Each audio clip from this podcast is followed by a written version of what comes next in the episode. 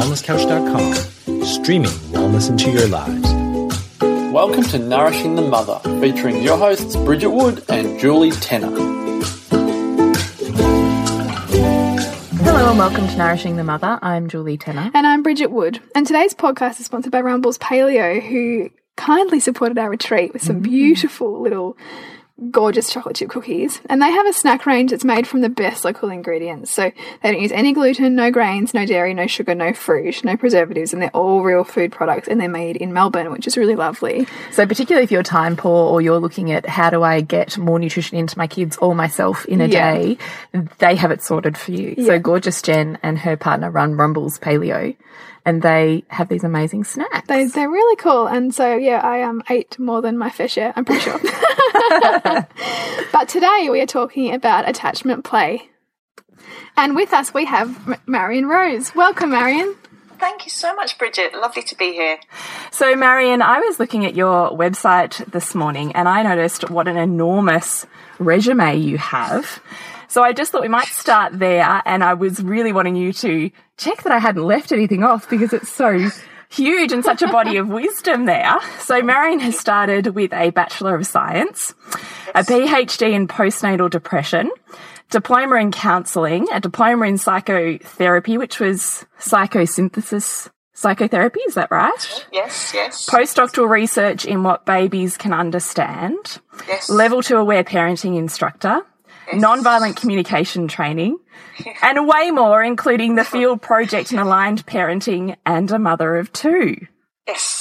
have I left anything off? You there? have been busy. Uh, yeah, I did a few other things. So in my in my thirties, I really got into birth. So I trained in hypnobirthing and then calm birth, and used those with the births of my babies when they were babies. So I, you know, I've done quite a few other trainings as well. But yeah, you got the main ones. it's amazing. I also loved that. What I really picked up from your website was helping mothers to love their lives yes. and helping children to flourish. Yes, yes. So in alignment with with your work, really. Yes, think, it is. You know, a little bit of my history is that you know, as you can see from what you'd read out, I really started off more looking at babies and and what they need and how we can really help them to to grow up to be human beings who are kind of happy and satisfied and connected and fulfilled. And along the way, I realized that actually what I really was called to do was to actually help mothers so that we could actually you know, we have the resources so that we can help our babies and children mm. have those mm. things. So, you know, I think it's very connected with what you're doing. It's, it's, a really compelling journey that you've been on, and I guess it prompts the question: Why? Like, wh why did why did you start where you where you were? And I guess you know where were you emotionally as yes, a woman and yes. mother that led you on that path? I love that question because you know, obviously, um, well, I'm so grateful because my personal and my professional lives have been so in tandem.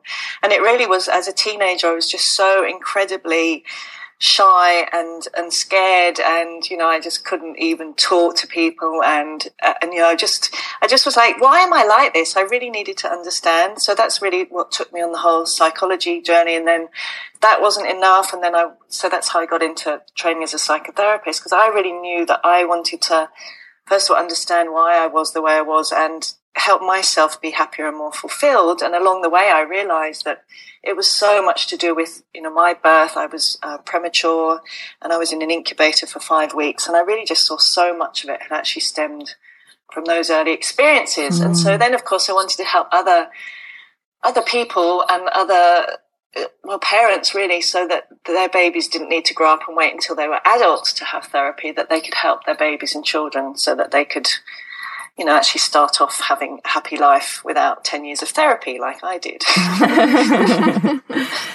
So, so it's, really that just understanding, I suppose, having a real sensitivity to babies and how how much they're affected by their births and their early experiences, and that's really what got me into this work, and that still drives me so passionately to to just help us understand how you know how sensitive babies and children are and how much they need to be heard and understood and have their feelings listened to so that's kind of my passion still which we love bridget mm. and i mm. have both done your courses yes. and been yes. in workshops with you. you. over the years which yes. is absolutely your genius which is why we have you. you on today yeah. so we just want to scale it right back and start at the beginning for our listeners are you able to give us a summary in your wisdom about what you see aware parenting as and what it offers children and parents?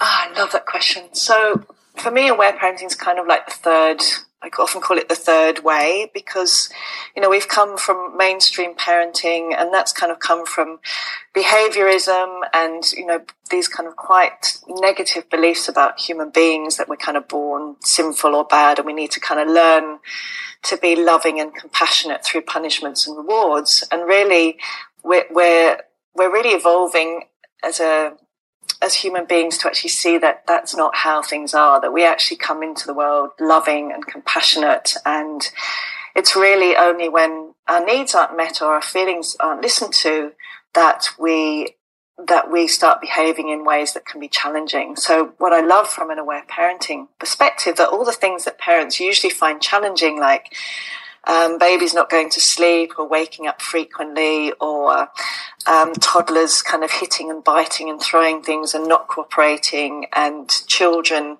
wanting to be on the iPad all the time or not listening or, you know, hitting their brother up to teens kind of, you know, using drugs and, you know, staying out all hours. All those things can actually be understood really from this lens of connection and emotions.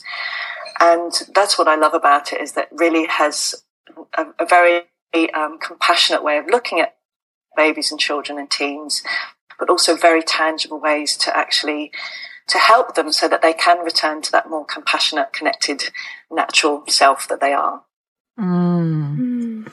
So, what spurred you on to finding aware parenting as a tool for yourself? Lovely, yeah. So, you know, I'd done all the uh, done my PhD and I did all that postdoctoral work. So I'd really studied things from that kind of academic side of developmental psychology. And then all my psychotherapy training, I'd looked at how babies, you know, learn their concepts about themselves. And then when I was pregnant with my daughter, so she's now 14, that was when I came across aware parenting. And for me, it was like this light bulb moment that not only, you know, it really fits all the, all the research up to date research, it fits with all the therapy understandings we have, but it has this extra piece that even most of those don't have, which is that right from birth, babies are incredibly sentient, aware beings, and they have this natural capacity to heal from from any challenging situations or experiences they have. So, you know, if the birth doesn't go quite as we wanted it, they can heal from that from birth. They don't mm. need to wait until mm. they're 25 or 30 to start doing rebirthing, they can actually heal from birth and mm. they can heal from the daily stresses that, that all babies have. They can express their feelings. And it's through understanding that that they can then sleep easily and restfully and they can, you know, feel connected in their bodies and connected with us and they can, um, they'd be open to learning new things and, you know, that kind of goes on in that way. And, and that's what I found for me. It was like when I was pregnant, I was like, oh my goodness, this is this thing. It fits with everything I know, but it has this extra mm. piece. Mm. And, um, you know, when I first started practicing it when my daughter was three months old, straight away I was like, this, you know, what I love about aware parenting is not just a theory. You can actually try it out and actually really clearly see in your baby or child. And I'm sure you both have experienced this, mm. that they really show us what a difference it makes when they're listened to and their feelings are heard. Mm. They, you know, they're more relaxed and they, you know, I remember the first time with my daughter when I listened to her feelings and she'd been kind of agitated and kind of avoiding eye contact and kind of restless at night. And the first time I listened to her in my arms and was really present with her and I just listened and afterwards she she literally gazed into my eyes for about 15 minutes and this whole this whole kind of quality of presence entered the room, you know, like when you're on a meditation retreat or something, and it was like being with this little Buddha, and it was like this, mm.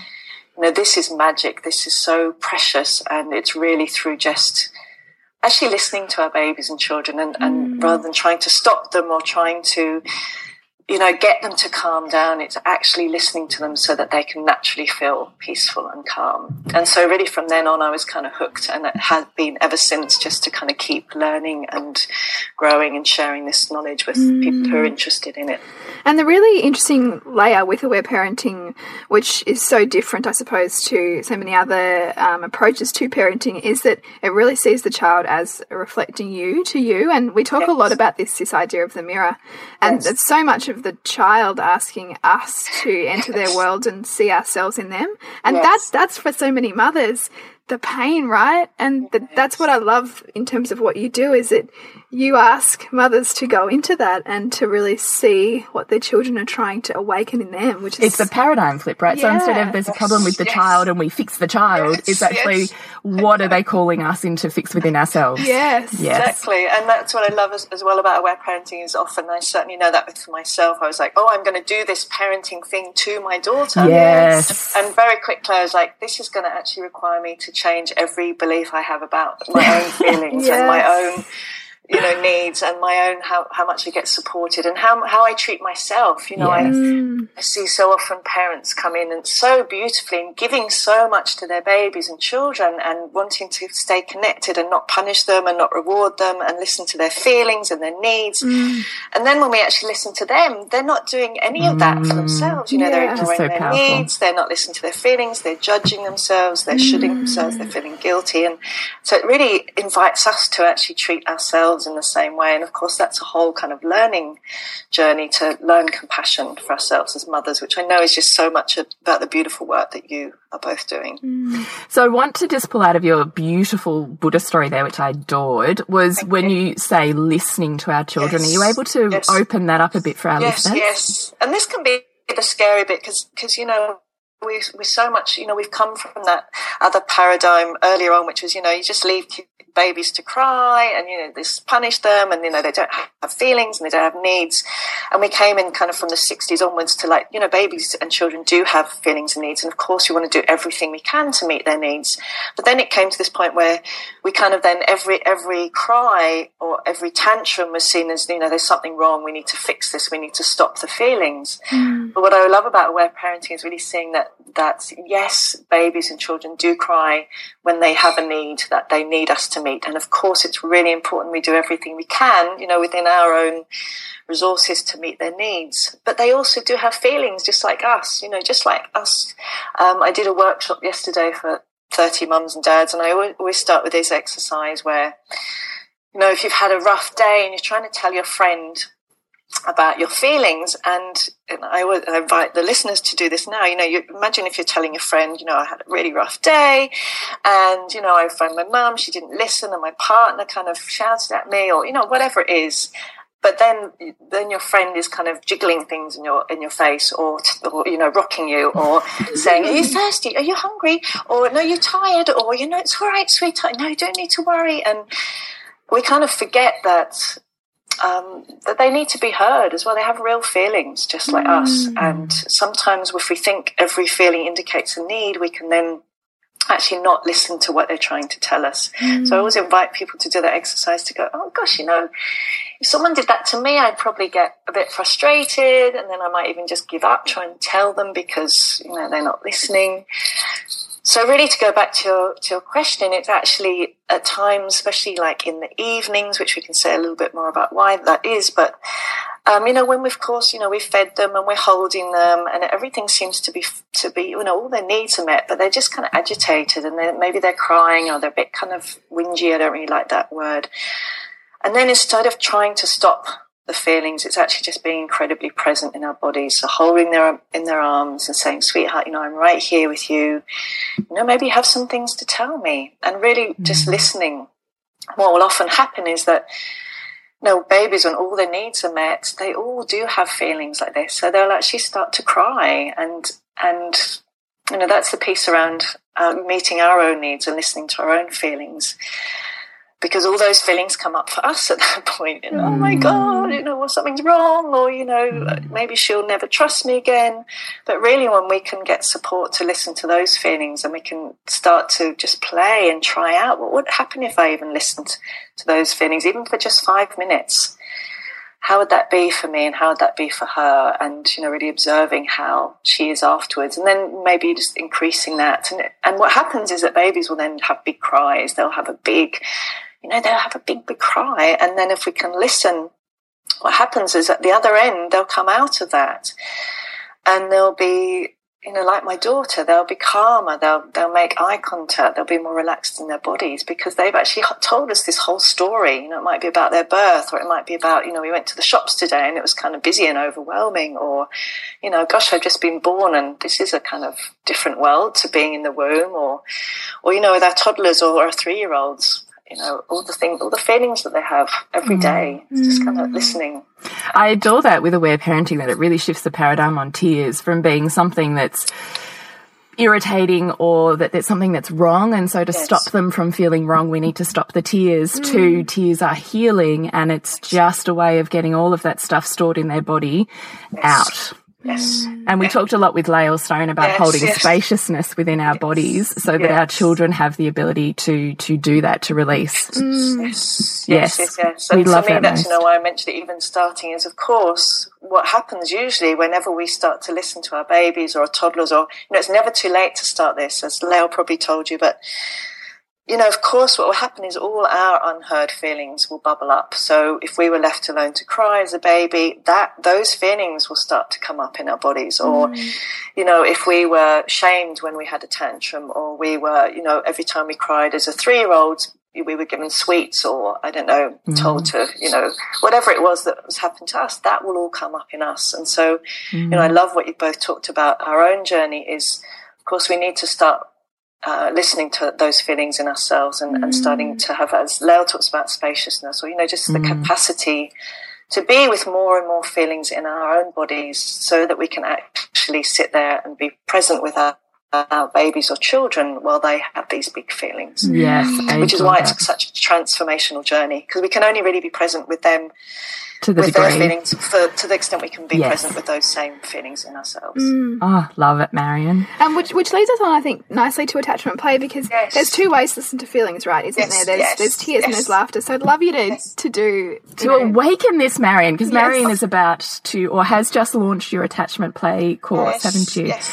Yes. So attachment play is a complete flip on looking at behaviour and how we work with our children around that. And as Bridget said, is is the opposite. So children can laugh, tears, and frustration and anger out or they yes. can cry it out. Mm. And there's two different ways for us to hold that space. So, Marion, attachment play, open it up for us. Yeah, lovely. So, attachment play, as you say, said so beautifully, there are two ways that, that children can release feelings. So, they can release them through crying and tantrums, but they can also release them through play and laughter. And often this can be an easier way to, to come in to this paradigm, especially, you know, if your child's a bit older and tears can be a little bit more scary. Laughter can be a great way in, but also for anybody. Um, and really, again, it's just this different paradigm rather than still, you know, often we, when we get into challenging situations, you know, our child, we've asked them 25 times to put their shoes on and they're still not, or, you know, they're not brushing their teeth or they won't put their pajamas on or whatever it is. And we start getting frustrated. Again, it's really looking at first of all, what comes up in us, which is often, you know, the ways that we were brought up. So we'll start maybe, we'll either start using power over a little bit, we'll start getting a little bit frustrated, or we might kind of give up and give up on our needs and disconnect and just go, oh, well, you know, if they don't brush the teeth, well, okay.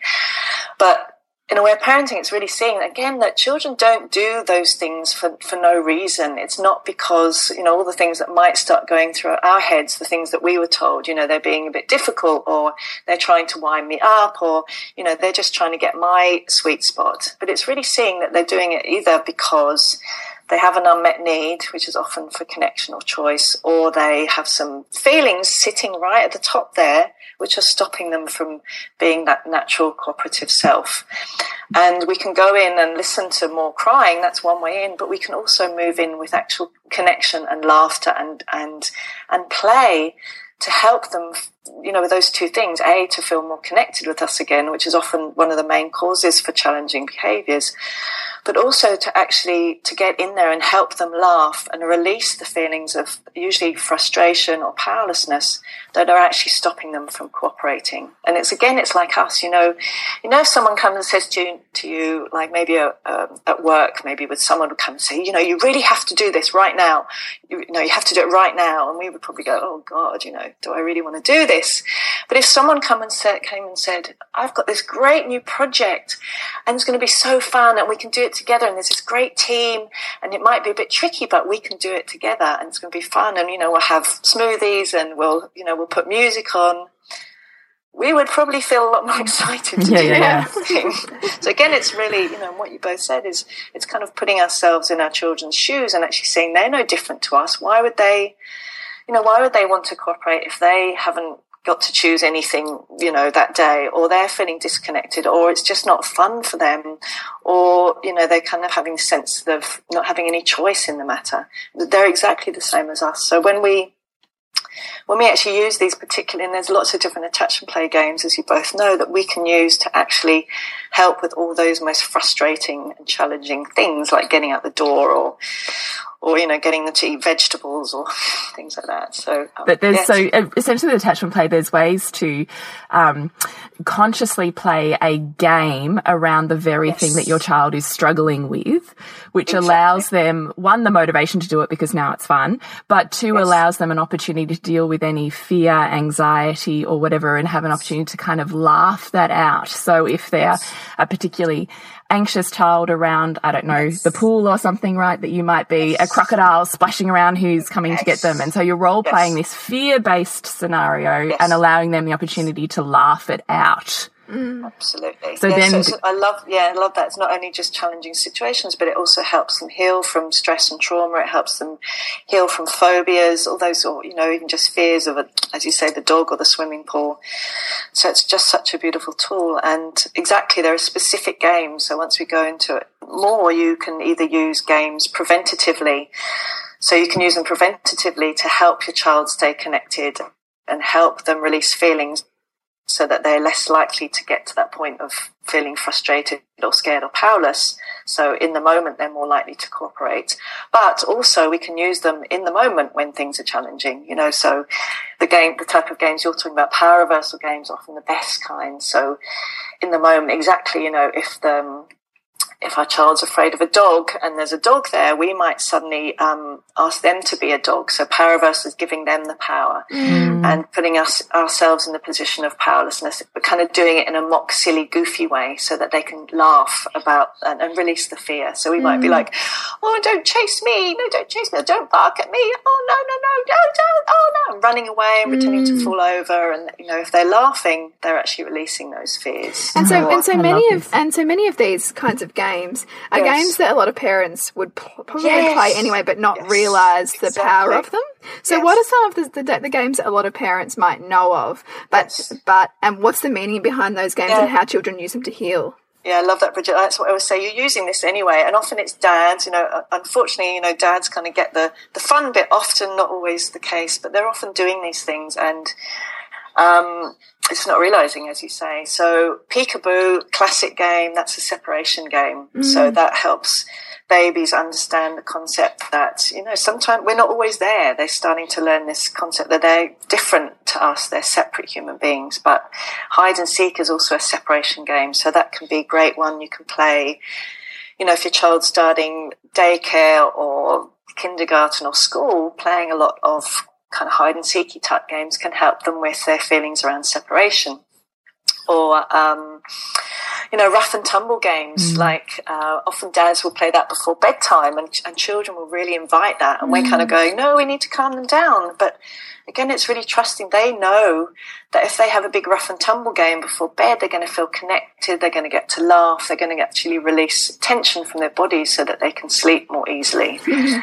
Um, can you think of any other games that you guys play already that you kind of suddenly realise? Oh, Bridget wants me to talk about the games that I play, but I was like, I don't want to be that self indulgent. Um. I play heaps. Look, I have three kids, so my eldest is now 10, and I found aware parenting when he was about 18 months old. So that's a pretty long journey with aware parenting Yeah. with me and three kids. Yes. So, um, but I think I might have said to you at an aware parenting, at a, um, attachment play workshop in Melbourne once that my son, when he was about three, came up with this game called the Deer Hunter. Oh, I remember. Yes. Yes, and so this, and I was talking to Bridget about it because now I'm using it with my youngest, which is golden. Yay. It is golden, and then the older two are actually now playing back in it again, which is fascinating because they're not necessarily at the age where they play a lot of make believe stuff anymore. Yes. So that's fascinating. So we he came up with this idea of um, deer hunter. We played in the bedroom. So there's a baby deer, a mummy deer, a daddy deer, a grandpa deer, who knows, on the bed. And they get to choose who they are. So they'll change whether they're the baby that needs protecting or they're the dad that's going to do the protecting. So there's a lot of role play there around different fears and anxieties and power. Love it. And then someone is like around the bed who's, in inverted commas, the deer hunter who's trying to get the baby. So there's a lot of, you know, wrestling, rough and tumble with the deer hunter. The daddy deer or mummy deer get to, you know, beat them or protect the baby. If they're the baby, the baby's being stolen and then the mummy deer and daddy deer have to steal it back and you can't have them. And like it is this game that I was saying to Bridget, I never realized how golden it was mm. in terms of, and we always play this before bed.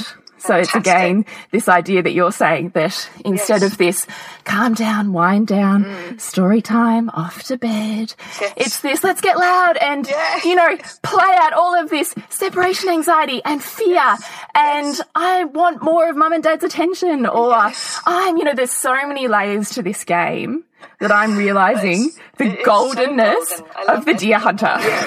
Brilliant. To find one like that as well that kind of as you say it's working on so many different things. And and what i love you saying is really trusting that you know whoever chooses whichever role and it sounds like they're probably changing roles actually is really trusting they know what they need to, to work on. Mm. They know what they need to play with so that they can release the feelings around it. That, just and that's a key brilliant. point, isn't it? Because if you pay enough attention, your children are always telling you what they need. Yes, Because yes. a, a recent one for us is um my son. He's three, and he Yes. is has this obsession with poo, right? ah yes and yes. talking about bum bums. yes And so he wants me to read books about poo, but we didn't have any books about poo. So what I thought I'd do is change the words in a book to, you know, from about trucks and diggers to a book about poo, which was perfect for him because he just used it as such a catalyst to let out all this laughter. And he was jumping around on the bed. And, you know, I think sometimes we can put our adult lens on and say, oh, no, that's not right. And I shouldn't Which is encourage interesting, right? that. Because he's toilet, he's just gone through toilet training He too, has. so it kind of aligns with that as well. Yeah, yeah, and he, he's very, very interested in poo and looking Yeah. at his poo and stuff like that. And Yes. so, listening to him and what he's telling me he needs and, and entering that play in a way that is healing for him is Yes. fun for both of us. Yes, yes, it is so much more fun as well, isn't it? Going, no, no, you know, we don't say, Yeah. don't say bum bum, and you know, people don't like that, and I, I love that. It's a brilliant game. So what I'd really like to know is we were kind of thinking, what are the main areas that this would make sense to parents in? And I thought, well, the main ones which you've already hit on are not getting kids to go to sleep Yes. and hitting, biting, scratching, those sorts of behaviours as well. Which so both of those, the main Yes. paradigm would or go to for most parents would be stop being naughty or misbehaving or you can't do this and this and this. yes, And so it leads straight into a punishment or a timeout or a um, you have to go to bed, you're left in your bedroom. Whatever it is, is probably our main toolkit in society because we don't know of anything else. Yeah. yes. So can you do a flip for us in an attachment play style on how you would approach kids not going to sleep and kids hitting, biting, scratching, Yes. that sort of Yes. thing? I'd love to. I'd love to. Can I even add in the swearing one, or you know, swearing? Yes, I'd love it to. Yeah. because I really love that. And I actually saw on Facebook this morning someone had posted a thing like, you know, every time my kids swear, they put a dollar in the pot, and you know, we got three billion dollars this week. And I know it's a funny joke, but it really, you know, your story, Bridget, really helped me helped me remember it's just the opposite way to what we've to what we've grown up with, you know, mm. that culture of if, if our child's doing something challenging, we need to kind of disconnect, we need to get Yeah. harsh, you know, that's where we've come from. And it's also the, the more you're triggered by something, the more they're going to push Yes. that button. So if, Exactly. if, if I'm removing any charge I have around him using Yes. those words, he's not going to need to use them. It'll be a stage for him, and he'll move past it. Exactly. And I love that. And that's what happens. And I'm sure you found that, Bridget, is the more, and Julie, with your three kids and all that experience you've had, is the more, when they bring these things to us, they're actually saying, and I think of that with the sleep too and the hitting and biting, they're actually saying, Mom, Dad, you know, I've got something going on here. You know, like Bridget, I love your example, you know, I, I'm just learning how to, to, you know, poo in the toilet and gosh you know mm. it's taking a lot and and i see you know younger kids don't do that yet and i see there's people people have got big feelings around poo and mm. will you play a few games with me around this so i can laugh about it and i can understand it and i can feel peaceful about it with me but they don't say that do they, they, No. they come and they say poo poo bum bum head poo poo dum bum head Yeah, you know. and I think you know we're so quick as parents and society to to try and encourage young children to use their words, which is you know it's impossible. They don't yet have the grasp of language to, and and so they'll use behaviours which we often don't see or hear or know how to understand. Exactly, but I like to see, you know, they're constantly asking us, "Help me with this." You know, I need, hmm. need, and the more we go in and connect with them and actually help them with those things and help them feel connected, and as you say, you know, the more we can, know, offload all our kind of fear about it, so we can really go in and engage with that. They actually then they can release whatever's causing that, so that they actually then stop doing that behaviour, not because we've put on the top this kind of shame or blame or punishment or disconnection or whatever it is but because they've healed from that thing from the root cause. Mm.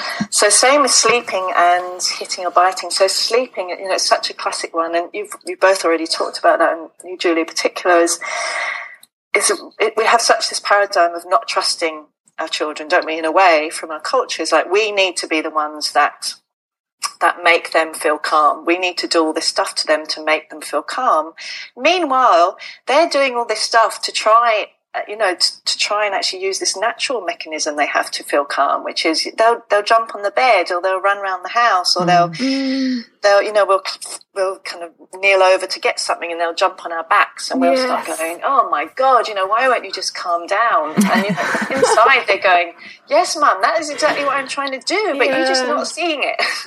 Yes. Mm. They're such So- teachers. So getting kids to sleep with an attachment play flip, how would you? So thank you for bringing me back. So um, it's really meeting them where they're at. So of course, I wouldn't engage. I wouldn't invite this if they're actually already feeling calm, or maybe they're crying. So they'll often cry before bed as well, because uh, again, it's this natural healing release mechanism. So obviously, if they're already crying or they're already calm, we don't. You know, I wouldn't invite you to go in and start doing this massive attachment play, but if they're, it's really meeting them. So if they're actually starting to show us in their behavior that they're jumping on the bed or they're running around and being goofy and silly, it's actually us going in and meeting them at where they're at. So it's much more powerful. It's like high octane, as you know, I call it. When we go in and connect, it's like 25 times more powerful in helping them release. So um, if they're running around the house, can you be goofier than them? Can you go and you know put on um, a pair of glasses upside down, or put a pair of knickers on your head and run around the house with them, going, um, you know, playing a power game? You won't ever catch me. You'll never catch me. No, you will never ever catch me. And then they catch you, and we fall over, and we kind of.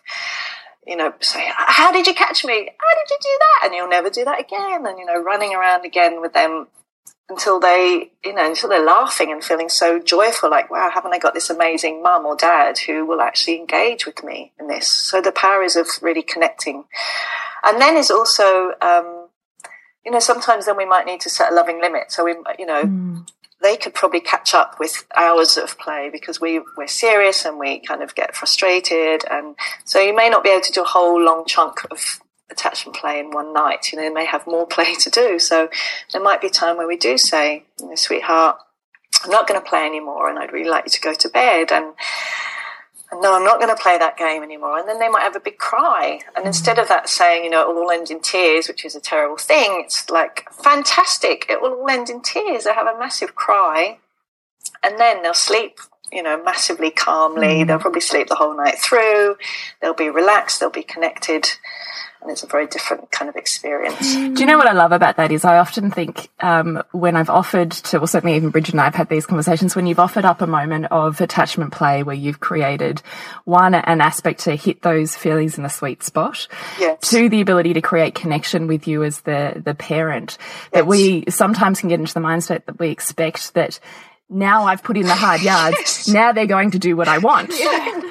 but instead, what often happens, and now, so our play, I always allow a period of time afterwards for if. Yes. yes. Often, once we've hit that connection and that sweet spot of vulnerability, there's going to be emotion that also flows out from that. And that is why I love your concept of loving limits too, which is putting in place, I suppose, a, um, a boundary that allows them to crash against and you're willing to hold mm, what that is. But otherwise, if you had not, one, hit the connection to get them to attach, to, to meet that emotion, and two, the ability to put in place a, an aspect for them to create those mm-hmm. feelings to come out, would have just stored somewhere in their body. Exactly. Mm. Yeah. And So- that's why they do all those things like, you know, in their sleep, they're all tensing their muscles or they're t- tossing and turning or they're sucking their thumb or they're clutching onto a, a blanket or they're, you know, clutching onto us and won't let us go all night long or they're wanting the boob, you know, 15 times. All those things are really just mm. saying, you know, I'm actually kind of holding on to all these feelings exactly that you're talking about. So. Mm. Yes. So also hitting, Hitting biting, and biting, and yes. So again, it's so I like to take it back to us, again, as you know that have uh, all of us, I'm sure we have, have had times where we've kind of been a bit harsh with our kids. Maybe we've shouted, or we've kind of been a bit punitive, or you know, we've done something we regret. We've we've kind of just got to that point where we're so frustrated and we're so powerless and we're so beyond our limit that we do something like that. Have you have you two ever had an experience like that? Because I certainly have Yeah. yes. and, and our listeners too. And it's really seeing um, if someone said to you, you know, you shouldn't do that. You know, you should never speak harshly to your child. It's really not helpful for them. Would would you go, oh, of course, great. Well, I'll never ever do that again, Yeah. and you'll never do that ever again. You know, Does it? Does that happen for It's us? it's not possible, right? Like Possible. it's not. It's you know, it's not about information. It's not that they don't know that biting hurts. It's not you know, mm. even very small children know that. Even toddlers know that. So they're not doing it because they don't understand. Which of course we often go in with, be gentle, be gentle. Be, we go in with information, and it's just like someone saying to us, you know, you shouldn't you know speak harshly to your child. Well, we know that already. It's not because we don't have information. It's the same with them. It's not usually a, a lack of information. Sometimes it is, but rarely.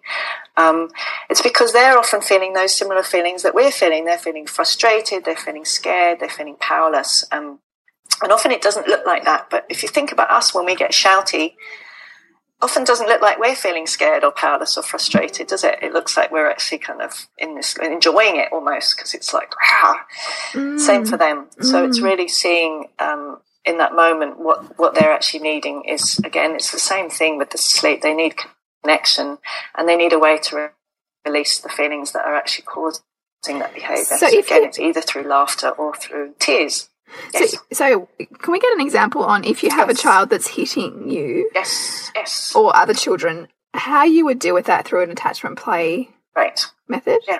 So you can either, yeah, with attachment play, so you can always go in with attachment play or loving limits. So you could go in with attachment play, you can get in and be the less powerful one. So you could get in and do a, a pillow fight, or you get in with a pillow and go, Oh no, I'm a poor wee. This is this is from Sam Cooming. I'm a poor wee pillow. Don't hit me. You're not going to hit me, are you? No, no, no. And what you're really aiming to do is they'll come and hit the pillow, and it's not the you know often that people say, "Go and hit a pillow." It's not the hitting the pillow that does it. It's it's getting to to to release that sense of powerlessness through hitting the pillow when we're pretending to be the powerless one. Or we might go in and go, I can see you really need a rumble on the bed and kind of scooping them up or, you know, inviting them. And of course you want to stop the hitting straight away. But, you know, really inviting them to come in and do some rough and tumble play on the bed or, um, I'm just having a flashback to Yes. my son when he was probably three or four, so probably about Hugo's age. I remember being at this birthday party and he was on the jumping castle and there was another boy similar age on there. And they'd obviously got into some situation. They started hitting each other. And the normal parenting thing, right, would to be come in, separate, tell them off, get them to yes. apologize, blah, blah, blah. So I came around and I was like, okay. and so I went in and I went, hey, come and pick on someone your own size. And I had my little punching gloves up, you know, with my fist in front of my hand. And all of a sudden it switched those two boys from wanting to hit each other Yes. to aligning themselves together in an alliance against a common, common, let's say in inverted commas, enemy. And we played wrestling and the two of them played beautifully for the rest of the party. yes, brilliant. So that's an that's Yeah. another example Yeah, is perfect. particularly with siblings or Yes. even do you know what even Bridget was over at my house, yes, Friday. Mm. Yes. And her youngest, Hugo, and my youngest, Lola, were having issues sharing and playing together. It was this constant, you know, thing. Yes. And then all of a sudden, my son, who's 10, came in and started playing a chasey game with them. And it was like this instant switch. All of a Oh, sudden, they both had, again, a, con- a common cause Yeah. to get Heath. yes. And all of the frustration that they had together disappeared. And they, and they were a little team. It was like, come on, Lola, come on, Hugo. And they were just Yes. trying to get, they were trying to run away from Heath. It was gorgeous. So it's also creating connection or flipping Yes. the lack Yes. of connection and creating a common alliance or a purpose for being in play. Yes, mm-hmm. brilliant. And of course, what I love what you're saying is what happened there in both those scenarios is they got to a feel connected and release the feeling, whatever feelings that were causing them to be kind of you know not share or hit each other, and release those to laughter and play. So then you didn't need to, you know. Whereas if we go in, as you say, with the you know that we don't hit and separate and be a bit punitive, those feelings are still there. So they're likely to keep trying to release them like every 10 minutes. And that's of mm. course when we get frustrated whereas this actually you know you're actually going in at the root cause and actually sh- shifting what's causing it in the first place which is why it's so brilliant mm. So, what I really, one of the last questions I wanted to ask you, Marion, was one, can you share any really golden moment breakthroughs that you can just think back on with um, clients, if you can share, or with yourself, and you go, wow, the impact and power of that situation just profoundly hits my heart? Uh, well, I suppose one that's you know I've got so many and just so grateful to get to do this work, but um, I'd love to share too. But anyway, I shared this one uh, from my attachment play course. One of the um, one of the women who did the course, she was just kind of she was kind of battling with her son. He was a similar age, about um, two to three, and just you know just starting to feel disconnected and losing that joy and and she did the course and I interviewed her a couple of weeks ago and she was just she just become this like amazing expert in attachment play way more competent at it than I am. And she talked about how you know those moments where you might you know your child might be in the bath and you might be just sitting on the phone or something and she talked about you know how we can miss the, the most magical moments of childhood. Mm. And actually just you know bringing back the magic and the joy and the love for for our children. And she just done that through through just kind of really running with these ideas herself and and and just bringing so many funny playful games into her day with her son throughout you know she works full time but the, the the quality and the level of connection that the two of them have is just like you know mm. it's just joy to my heart so oh, I just love and that that. and that's really beautiful too because I know that there's a lot of sort of you know in inverted commas mother guilt around you know the working mother scenario or you know not being there for their children but it's simply Yes. just getting past that label to see how how can I use It's creating conscious, conscious connection. it really is yes yeah exactly exactly So, and my other and it's a question. high octane, the high octane. And that's what I love. Rather than thinking we should be present 24 hours a day, is actually the power of things like attachment play or connection, that, that, uh, that high octane connection, which actually is mm. kind of more powerful than that diluted, I'm going to try and give to you all the time and not meet my needs and all that mm. stuff. Yeah. It's all actually more powerful and more effective. So true, Marion. Mm. The last question I had for you was so we've done this huge wrap up of, of holding space and spaciousness and conscious play and all of this amazing, profound stuff that's influenced, well, all three of us here. Yes. It's- Is- Thank you to Aletha Solter. Should we say that? Yes, yes, we should. Yes. The godmother of aware parenting.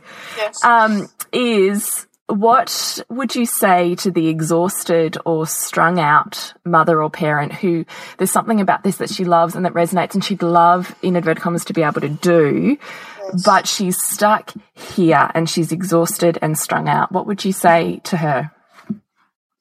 I just think if we if we have no joy in our life because we're we're in that old paradigm that we can't give to ourselves and we need to be at the bottom of the list and you know our needs aren't important and valuable. And really just to see is there any way we can flip it around to actually the more we can do things that fill up our cup that bring us alive that that we find joyful. And that might be just you know even if you're a single mum like I don't know, taking a child to the beach and watching the sunset, or you know, just doing things that will bring joy into our lives, which then actually help us feel more connected and joyful. Then these kind of things actually start being much more easy and doable.